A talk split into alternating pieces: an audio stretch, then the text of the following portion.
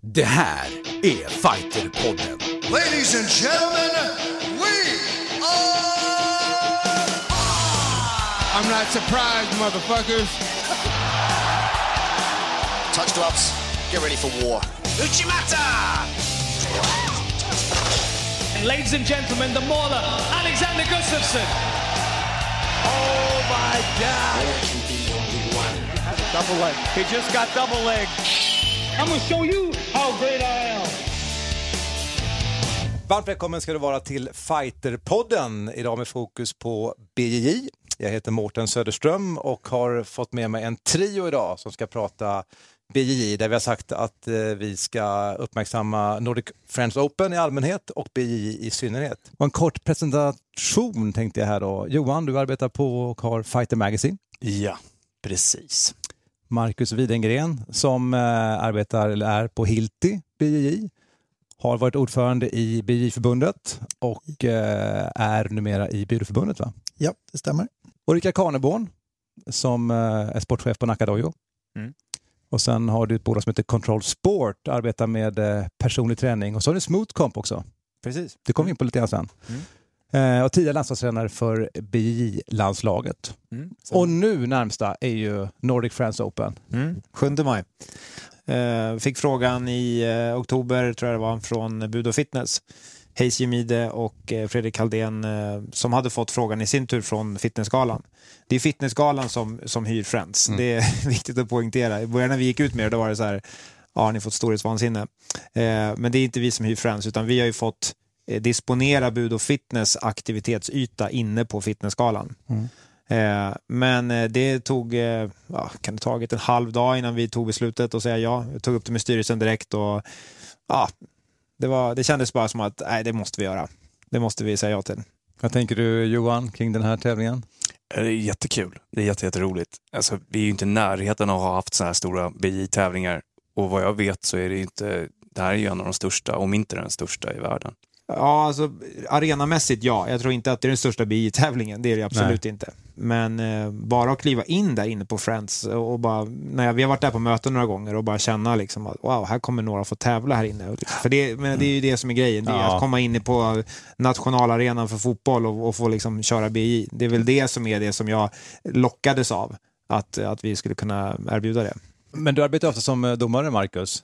Ja, jag har gjort det väldigt mycket förut i alla fall. Nu har jag dragit ner lite på det. Det har varit kul kanske att döma in eh, i Friends Arena. Det hade ju varit lite kul, eh, förvisso. Eh, men, ja, får se. Får betala bättre. Nej, alltså. Men hur är det ett sånt här arrangemang? Alltså, jag förstår att det är mycket arbete kring det. Och hur har det gått då? Känns det bra allting? Har det... Det har varit mycket mer jobb än vad jag eh, kanske trodde. När vi hade vårt första möte i vår styrelse, då, då kände vi så att ja, men nu har vi också möjligheten att tvinga oss själva att göra, skapa andra rutiner. Liksom, göra de där grejerna som vi har tänkt så många gånger på. Till exempel som den grejen som, som eh, vi, att vi kommer livestreama det, det har vi inte gjort förut. Ehm, vi, vill, vi vill kanske liksom sätta en lite ny nivå för oss själva på arrangemanget. Men tänk, tänker ni så här att uh, lite grann nu så synas vi också som sport i och med att det är ett så stort arrangemang? Ja, nej, men det är ju världens möjlighet. Liksom. Det, det, är- så har ju vi alltid resonerat på klubben. Att liksom, eh, vi har satsat väldigt mycket pengar på tävling och på att, att synas för att det genererar liksom medlemmar. Vi, vi har 50 vuxna från vår klubb som ska tävla. Hur ser du på det här Johan från Fighter Magazine, att det blir en sån här stor tävling? Ja, det är jätteroligt. Uh, större exponering och, eh, och vi vill jättegärna hjälpa till att det ska synas såklart. Om vi tar oss lite grann till BJJ då. Först ska jag bara kolla lite bakgrund här Marcus. Du har ju tränat BJJ ett länge. Ja, i 16 år snart. Och Rickard? Eh, jag har tränat BI sen, eh, ja, kan det vara, ungefär som Marcus. Jag började ju med sportjujutsu 86 när jag var liksom, 11-12. Och sen gick jag över och började träna både BI och sportjutsu. Så att, ja, det är någonstans där också. Vi, ja. Och Johan, du tränar ju um, MMA. Mm. Har, har du haft någon specifik inriktning på BJJ eller har du mest liksom Nej, varit... Jag fuskade ett par år, 10-12 år med, med jujutsun. Um, eh, bland annat lite sportjujutsu och så. Och sen så delade jag matta under en period med Christian Kennedy som var första svartbältet i Sverige. Mm. Eh, han var först på Starfight och sen på um, Smack. Eh, och, så att jag har fått min beskärda del och tränat VI också. Jätteroligt. Det är härligt att höra alla som har haft annan kampsport förut och sen hamnat i BJJ. Det hände ju någonting när den kom, eh, eller hur? Vilka erfarenheter har ni från det? Att man har gjort en sport och sen så kommer någon som är så duktig på markkamp. Marcus? Ja, eh, själv så blev jag neddragen till eh, Hilti då, som hette Rickard Andersson, BI på den tiden. Och eh, jag var svartbälte i Bujinkan, eh, men fick ju duktigt med spö på första träningen av vitbälten. Och då, ja, då insåg jag att det här vill jag lära mig. Jag var svartbälte i sportljud och blev neddragen av Marcus på min första. typ så. Då kom jag ihåg att, jag, att han hade blått bälte på sig och för mig i min hjärna då så liksom, det blir tyvärr så då ställer man in sig på att så, ja, men okej, blått bälte det var lägre än vad jag hade. Och, olycklig liksom, eh, slutledning i hjärnan men så blev det. Så jag kommer ihåg att vi rullade och så första gången så tyckte jag liksom att ja, men det här gick väl ganska bra tills han ökade tempot. Liksom. Och så bara, herregud, det här var ju något helt annat. Liksom. Så att det var, så, ja, det, jag tror att de flesta som, som får testa bi från en annan idrott eh, känner just den grejen så här att wow, det här, det här vill jag lära mig. Liksom. Johan, du bara nickar. Ja, men jag känner igen det så väl, för jag hade kört ganska mycket olika saker som inkluderade mark. Och så var det ett läger med Alexander Paiva någon gång. Åh. Där för, för några år Det sedan. var jag med på också. Ja, just det. Det är några år sedan. Du var där också tror jag, Rickard? Eller? Nej, jag var inte där. Nej. Ja, men jag vet att det var många där, Musse och flera andra. Och, och alla, eller de som var lite kloka, hade satt på sig vitt bälte. Eh, och, eh, det, det var liksom en upplevelse. Det var verkligen det. Vi, man var ganska övertygad om, oavsett om man var självförsvarsinriktad eller sportinriktad på marken innan med, med jujutsun och det som fanns till, hand, till hands här då, att vi var nog ganska vassa. Men eh, ja, det liksom finns nivåer kan man säga. Och det är verkligen, eh, jag kommer ihåg det lägret väldigt väl. Det var väldigt, väldigt bra och fick mig att tänka om rejält. Ja. Det kanske också är det som är orsaken till att BJ'n har blivit så stor. Alltså, det är klart att alla vi som följde liksom första UFC och såg de första liksom, Hoist Gracie-matcherna så här, tänkte vad är det här för någonting? Men då var det fortfarande så här, ja, ja, ja, ja. det- Och sen blir det här, allt mer börjar folk inse, framförallt inom kampsport. För många som du hade uppfattning själv, jag är rätt bra på backen, tills du mötte någon som verkligen kunde det där. Och att till slut faktiskt kunna bara ta någon med bara brottning. Det, det var ju ganska revolutionerande. Va? Och så börjar liksom, det här var långt innan YouTube-fenomenet. Nu kan man ju hitta alla de här gamla matcherna som alla pratar om. Men då fanns det så mycket skrönor, men väldigt många verkar ju helt sanna dessutom, att det verkligen var så. De kom utmanade och det kom de bästa utövarna. Eller hur? Mm, mm. Det som fascinerade, fascinerade mig mest kan jag tycka var liksom både metodik och pedagogik inom bi, inom bin, att den är så väl utvecklad. Alltså, liksom jag har tränat mycket ljud och, och man, de är duktiga på marken och så, men, men det är liksom det är mycket mer så här tryck här, bryt här och håll fast här. Och, och det funkar för att sporten ser ut så, att det finns ett liksom fasthållningssystem som, som liksom gynnar att vara stark och hålla fast någon. Men, men, men det, det som, som, som gjorde att, att i alla fall jag fastnade, det var just där, ja, men det är skillnad på om du placerar handen här eller här, eller om du vinklar knogen inåt. Eller, alltså det finns så otrolig detaljrikedom. Eh, och det, det, det tycker jag är det, är det som fascinerar mig än idag. Det finns så jävla mycket att lära. Det finns så himla mycket att lära sig. Det tar inte slut. Nej.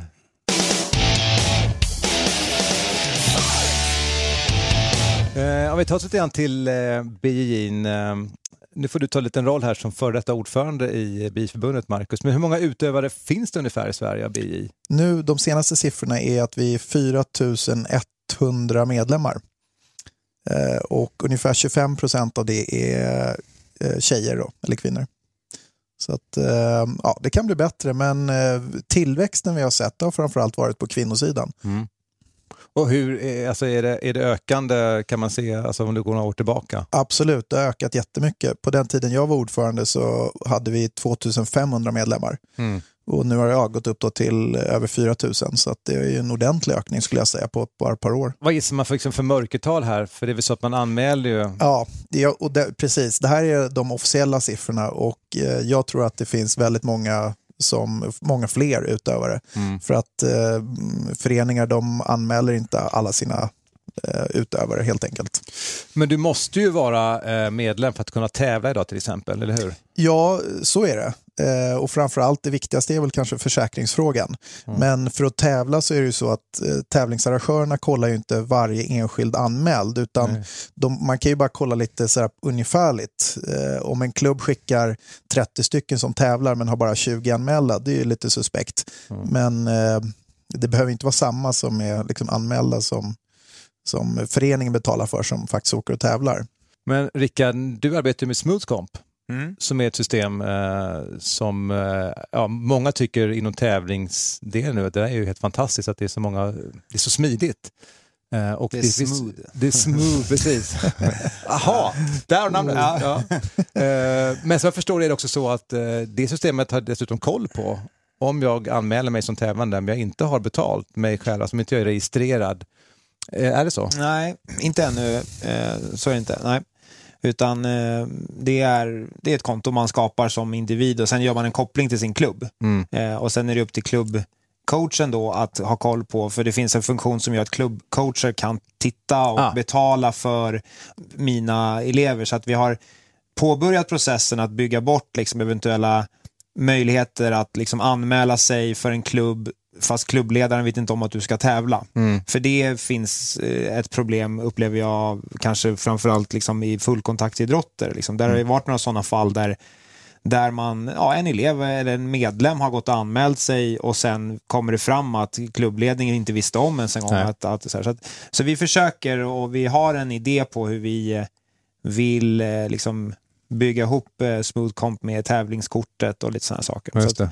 Jag tränar ju Stenungsunds kampsportsakademi mm. som också arrangerar då Swedish Open. Och jag har ju sett genom åren, alltså, det, i och med att den har växt som tävling också, men det var väldigt tydligt när Smooth Comp kom in. Mm. Alltså, för som fighter är det så här, när, när, när ska jag fightas? Och det kunde liksom vara ett fönster på kanske en timme eller mer och man sprang och letade information hur otroligt den förändringen har varit. Att de går upp med sina telefoner och, så, och det slår ju ofta på 5-10 minuter max så är de liksom i tid nästan med sin match. Vilket är otroligt. Mm. Alltså när vi började med det så, så var det lite så här, jag gjorde jämförelsen, eller vi gjorde jämförelsen med att tävla i kampsport är som att åka till en flygplats och så vet man vilken gate är det Nej, det är ingen som kan svara på. Ja, när går flyget då? Nej, vi vet inte. Nej. Och när är vi framme? Who knows?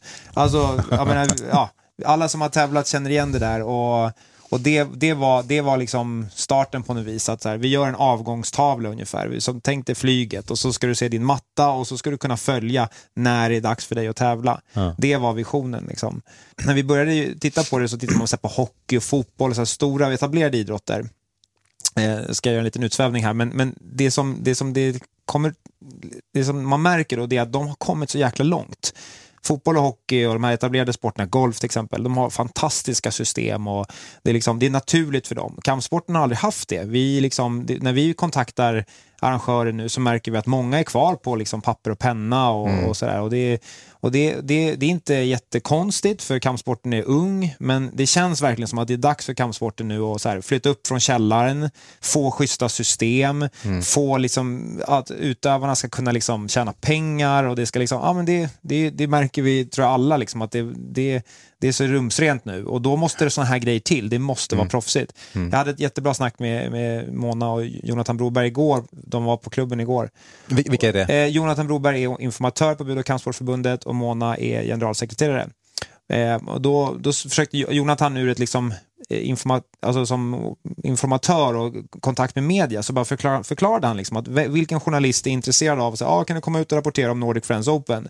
Visst, vilken tid är det? Ja, det är hela dagen. Alltså det, är ju, alltså det, det, det, säger sig självt, det, det, går ju inte att liksom att, så, ja, men när går, när går den, eran största profil? Mm, någon gång.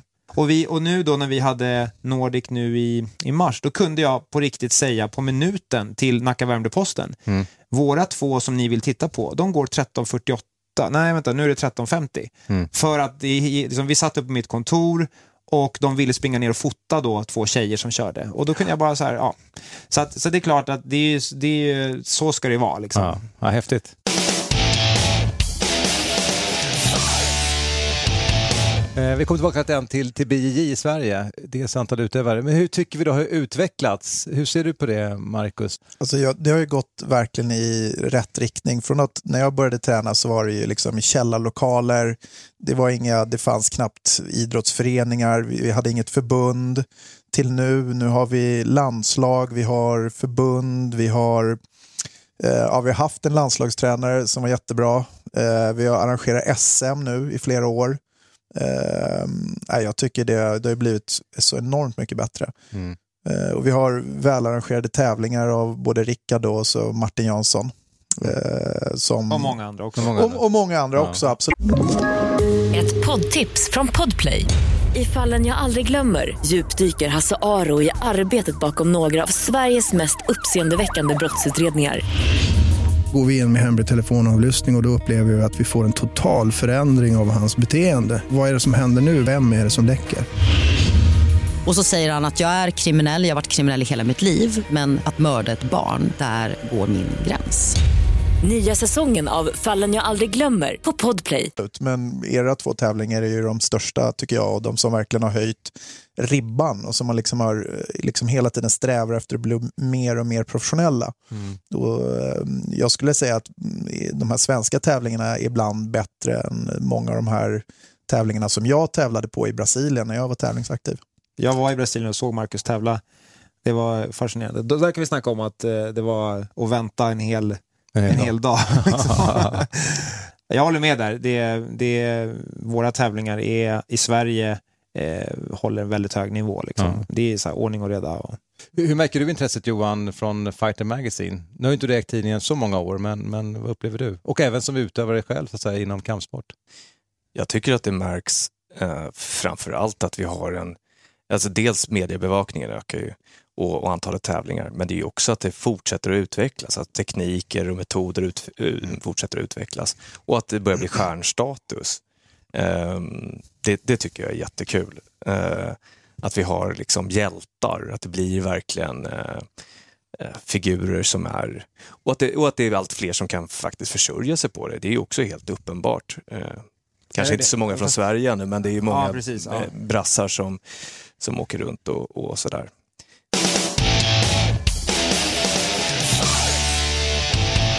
Jag tänkte kolla lite grann var ni står någonstans utifrån BJJ nu. Så jag har något som heter Vad väljer du? Det är en programpunkt då som jag precis har infört här. Eh, det är fyra stycken eh, påståenden, där ni måste välja ett. Och inte fundera så länge nu utan svara. Det kan passa om ni vill såklart. Submission only eller poängräkning?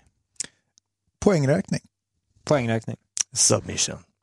Jujutsu, eh, främst tävlingsidrott eller främst självförsvar?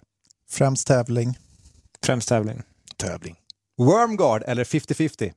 Wormguard. Wormguard. 50-50. Ja, old school, old school! Nej, det är en stålingposition så det gillar vi inte. Okej, gi eller no gi? Eh, Gi. Gi. Nogi. Bra, bra, skönt Johan. eh, för jag lite grann på det, det finns någon form av old school och new school inom bin. Det tänker man ju och tänker på dig som har tränat så länge Marcus, precis som du Rickard.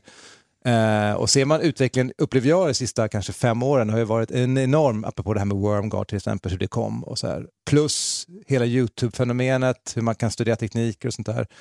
Eh, och jag tänker lite grann också på sådana tävlingar, apropå det här med Nogi och, eh, eller snarare submission only och poängräkning. Um, där är lite så här, det blir som två, två liksom, nästan inte filosofier, eller skolor idag. Uh, vissa tycker att det här poängräkning är tråkigt. Um, uh, och jag tänker på Eddie Bravo, till exempel när han har sin tävling. Hur ser du på det här, Marcus?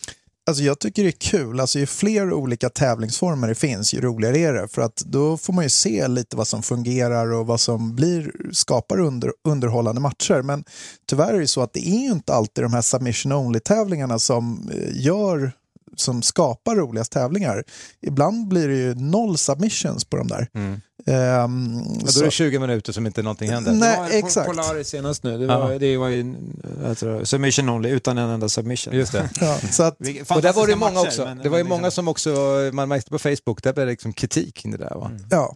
Så att eh, tanken är god, men det är inte så himla lätt att, att omsätta och skapa ett regelsystem som gör att folk, eh, att det blir mycket submissions. Men det är också det är ju hög nivå på utövarna, så att då är det inte så lätt att sätta submissions. Men Johan, du var ju lite mer old school i det här. Vad tycker du? Hur ser du på det? Nej, men det, jag tror att det är bra att det finns olika modeller. Jag tror att det finns tillräckligt många ska man säga, smaker Mm. eh, så att man kan ha regelsystem med GID, utan GID, där det är submission enbart eller, eller poängsystem. Eh, och, och, eh, jag tittade på eh, senaste Eddie Bravo Invitational, den här ehm, eh, vad heter det? turneringen. Mm. Eh, och jag tycker det funkade hyfsat med det här coin toss och sånt där. Jag är inte jätteförtjust i att det finns ett turelement i vem som ska börja på rygg eller i, i, i eh, the web, men alltså med, med armbarfattning eller, eller uh, ryggkoppling. Men det funkar för en del. Det, det är ganska spektakulärt. Det, jag, vet inte. Det, det, jag tror att det finns utrymme för, för alla möjliga och omöjliga format. Jag tänker nog kanske också utifrån publik, alltså jag tänker när det kommer till våra tävlingar, vi som är inne i det, vi förstår ju precis. Och så har jag kompisar som kommer, till exempel när vi har i Stenungsund eller kommer till någon annan stor tävling, åtta mattor. Det händer saker hela tiden och så plötsligt så vinner någon. Där tog någon plötsligt guld på en matta för att det, det pågår ju samtidigt. Eftersom inte vi begränsar till att nu, väldigt sällan, det kan ju vara så att sista svartbältsmatchen kanske blir liksom uppmärksammad, annars händer saker. Så ena mattan där de vunnit precis, ja han är precis svensk mästare eller han, han vann precis den här tävlingen. Eh, du måste förstå sporten för att liksom kunna uppleva den, vilket gör att den är svår som publiksport för någon som är utomstående.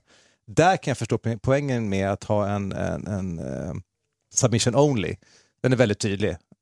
Men om det inte kommer några submissions, då dör den också. Och min fråga egentligen är, så här, finns, det, finns det en marknad, inte kanske rätt ord, men finns det en öppning för att prova i Sverige submission only?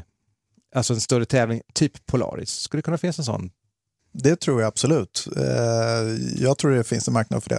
Och det har till och med varit tal om, eh, om det tävlingsarrangörer som har visat intresse för att eh, arrangera submission only-tävlingar. Jag tycker att det är, liksom, det är två olika saker för att, att erbjuda en tävling som många kan delta på, vilket måste ju vara ett sätt att växa som idrott. Liksom. Mm. Att, att det är därför vi har strävat efter att eh, ha stora arrangemang så att många kan vara med.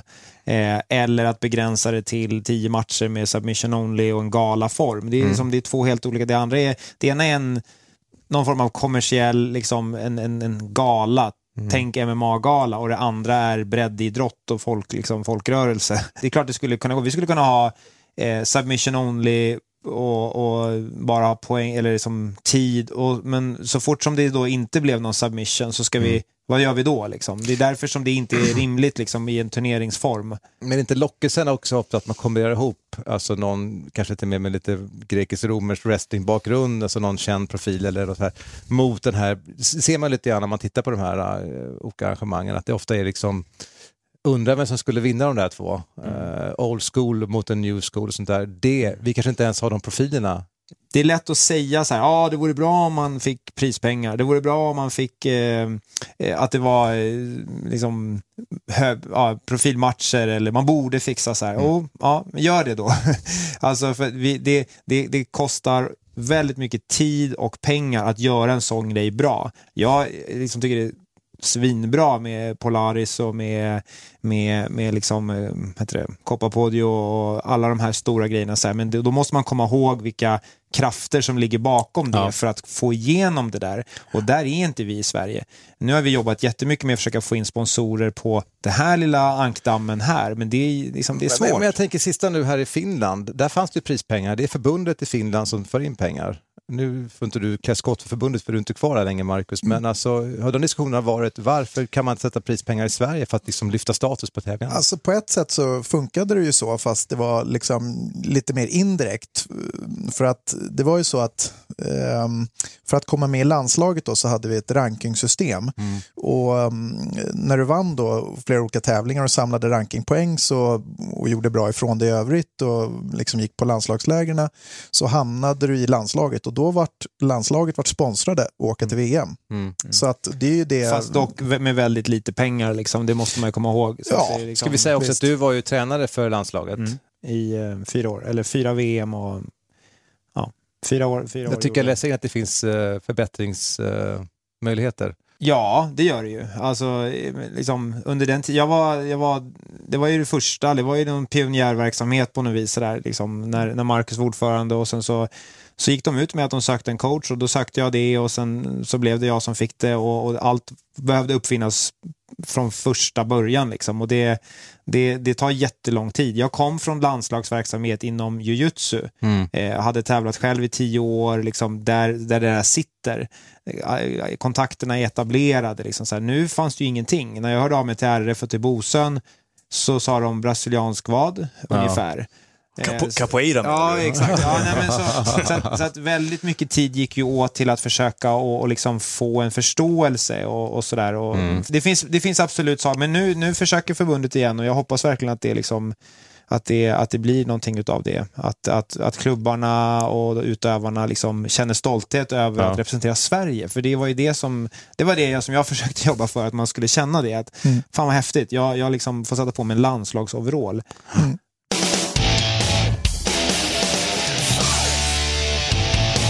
Jag tänker lite grann kring det här för att jag, jag läste på lite grann bara för att få ett grepp om vad det är. Jag tänker utifrån det ena BJJ som OS-gren, vad händer där? Och då inser man ju att internationellt är det ju ganska rörigt med de olika förbunden här. Och, och jag, jag kan inte ens liksom reda ut det här, hur det fungerar. men det känns som att, eh, och när jag tittar i det sen så upptäcker jag också fast det här Nevasa som är någon liksom, typ en direkt kopia av BJJ. Ja. Eh, alltså, internationellt så har du ju framförallt eh, IBF då, som kommer ifrån ursprung från Brasilien. Och, eh, men som nu har sitt säte i USA. Och eh, det är de som arrangerar eh, liksom det VM som är mest prestigefullt fortfarande. Men sen så för några år sedan så har det poppat upp en eh, organisation i Abu Dhabi som är Abu Dhabi World Pro. Och de arrangerar också då ett slags VM och med kvaltävlingar där man dessutom får pengar. Så på det sättet så är det bra för att eh, det är väldigt svårt som biatlet att få liksom sin tillvaro att gå runt. Det är svårt att, om man ska hävda sig måste man oftast träna på heltid och mm, ja, då måste man ju få pengar någonstans ifrån. Så det är bra med pengar, att man vinner prispengar. Eh, och nu har ju de här då den här eh, organisationen i Abu Dhabi, de har nu börjat något samarbete med den här internationella jiu-jitsu-federationen. Och de har börjat att arrangera några tävlingar eh, tillsammans och så. Och var det slutar, ja, det vet vi inte riktigt. Men eh, om... Men det är också de som lobbar för OS mer upplever jag Just det, för att alltså, om eh, BI ska bli en OS-sport någon gång då måste man ju gå då via sportakord och så och där eh, den här internationella jiu-jitsu-federationen är med. Så att då kommer man nog få gå den vägen medan IBF de är ju mer, alltså det är ju mer ett privat företag om man ska vara krass. Som, Alltså, det som Marcus pratar om, det andra- jiu-jitsu-förbundet, det är JJIF, alltså Jiu-Jitsu International Federation. Det var det som jag tillhörde när jag tävlade i sport-jiu-jitsu, som är en världsomspännande organisation och som är med i Sportakord och har sin i- idrotter med i World Games. Och World Games är det alternativa OSet. Och nu för tiden, alla idrotter som kommer med på OS har bidat sin tid i World Games. Sen, men jag hörde den här diskussionen när jag var aktiv i sportjutsu för liksom 15 år sedan att man ville till OS. Eh, nu tror jag dock att det faktiskt kan liksom hända grejer för nu finns det pengar med i leken helt plötsligt. Nu har UAE gått in och Ja, jag vet inte om, jag liksom, om, det, om man kan göra det, men typ köpt JIF. Eh, jag vet Ja. inte exakt eh, liksom, gång, tongångarna eller hur det har gått till här, men, men de har i alla fall liksom merged. Eh, och då helt plötsligt, och då finns då Nevasa som en, eh, en ny tävlingsform inom JJIF. Och de, de, det har ju UAE sett liksom att okej, om då vi går ihop med dem där och sen så har de Nevasa och vi har våran liksom identiska variant av BJ så helt plötsligt Men med samma vi... poängsystem, det är ju en direkt kopia av Ja, BJJ. det, ja, det är Alltså liksom, Nevasa är ju från början jud, en judoterm Ja. som bara innefattar, om du har stående tachivasa som är stående tekniker och så har du nevasa som är marktekniker. Ja. Ja. Så det är, och sen så har man gjort en, en, en BJ-form för att Från äga början- liksom en, Från början var det lite skillnader, man kunde få poäng för side control och lite sådana saker och hålla fast. Det fanns liksom lite så här judoregler, nu har man tagit bort det helt. Nu använder man UAEs re- regelsystem, sex minuters matcher för svartbälten och det är liksom, så nu är det eh, liksom, man kan säga om man ska ställa dem mot varandra, IBF här och UAE eh, med World Pros som, som motpart. Men vad leder det här till? Vad tror man? Vad tror ni? Oj. Ja. Jag hoppas att det ska leda till att IBF vaknar. Ja. Att, de, att de inser att liksom, eh, det går inte att ta alla pengar själv. Är du, är du insatt i det här Johan? Känner du till det här? Jag känner till det. Jag, jag, jag, kan inte se att Nevasa kan på sikt ha ett eget liv. Jag, jag, jag kan inte se att de kan få... Det, det, det blir lite larvigt, det blir lite löjligt. De kommer Sjuka prispengar då? Nej, Mm. Ja, det skulle vara det då, men de, de kommer vara, det kommer vara Lilleputtligan. Det kommer vara liksom, kommer vara- oavsett hur precis. mycket de håsar upp det så kommer det vara korpen. Eh, och det vill, det vill man inte vara på sikt. Nej. Man vill inte vara svartbälte i, i tävlingskarriär och, och spela i korpen. Det tror inte jag. Eller? Ja. Vad, säger ni? Nej, jag tror, jag tror lite som dig. Eh, Jag, sen så är det så att i jujutsu-världen så har ju också eh, teamen ett väldigt stort inflytande. Så att väldigt mycket beror på var alltså ledarna för de här brasilianska teamen sätter sina, sin lojalitet så att säga. Nu, eh, ibland så de större teamen säger så här, "Nej, men åk inte och tävla på den tävlingen. Och då, om då de bästa utövarna inte åker dit, då, då tappar ju den tävlingen i prestige. Eh, så att eh, Ja, det, och de, de här teamledarna är ju väldigt nära knutna till IBF i nuläget.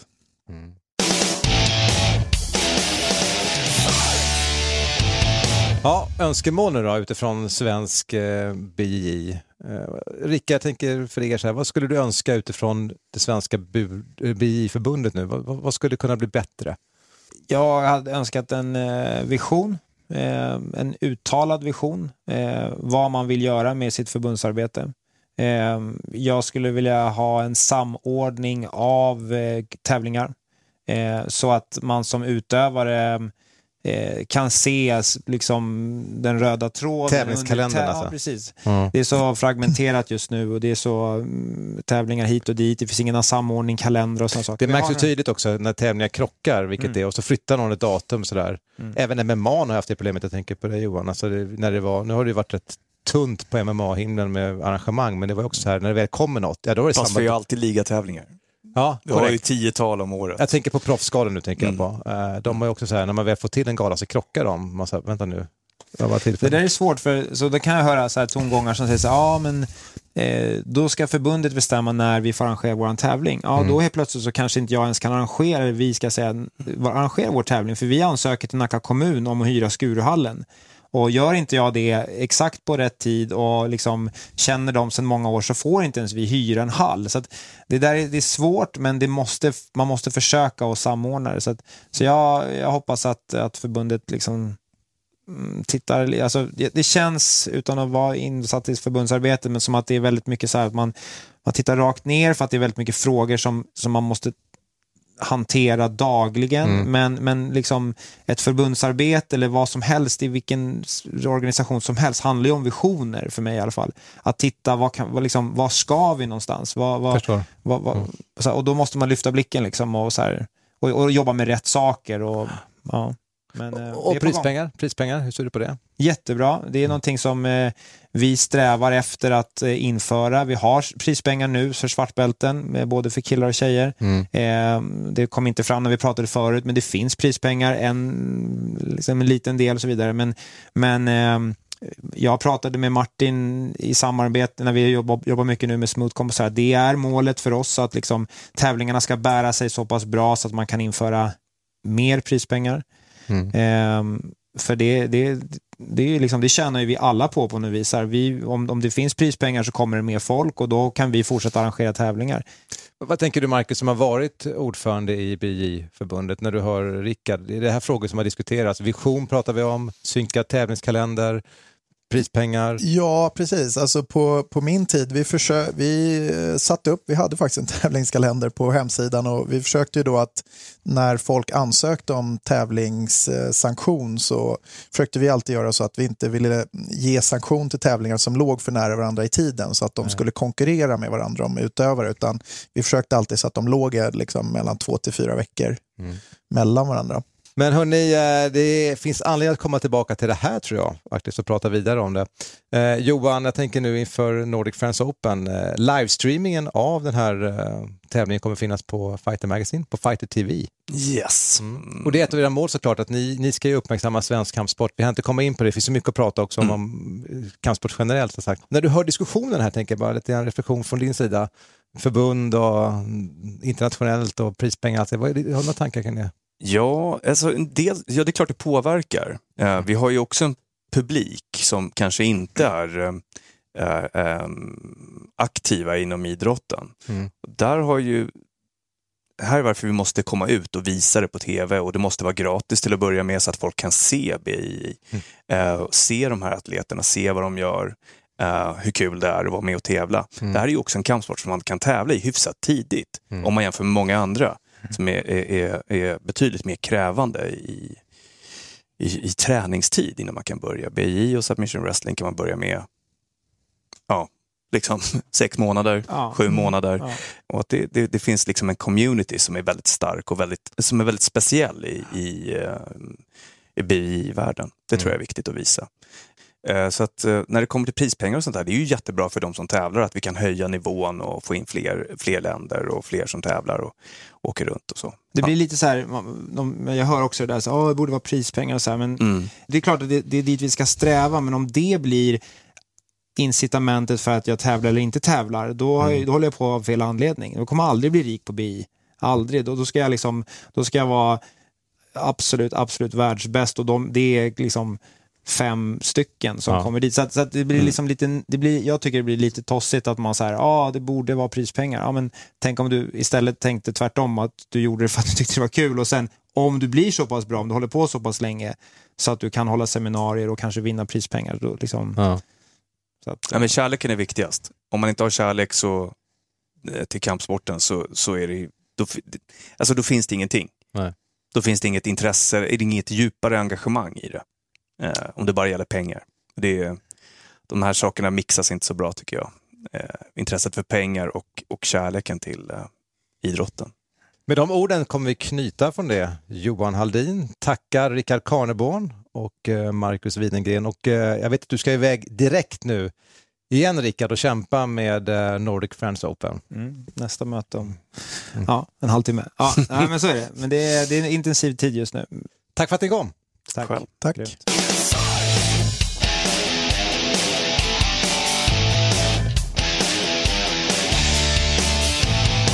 Fighterpodden produceras av Suba Media för Radio Play och Fighter Magazine. Ett poddtips från Podplay. I podden Något Kaiko garanterar östgötarna Brutti och jag, Davva, dig en stor dos skratt. Där följer jag pladask för köttätandet igen. Man är lite som en jävla vampyr. Man har fått lite blodsmak och då måste man ha mer. Udda spaningar, fängslande anekdoter och en och annan arg rant. Jag måste ha mitt kaffe på morgonen för annars är jag ingen trevlig människa. Då är du ingen trevlig människa, punkt. Något Kaiko, hör du på Podplay. Därför är gardinerna.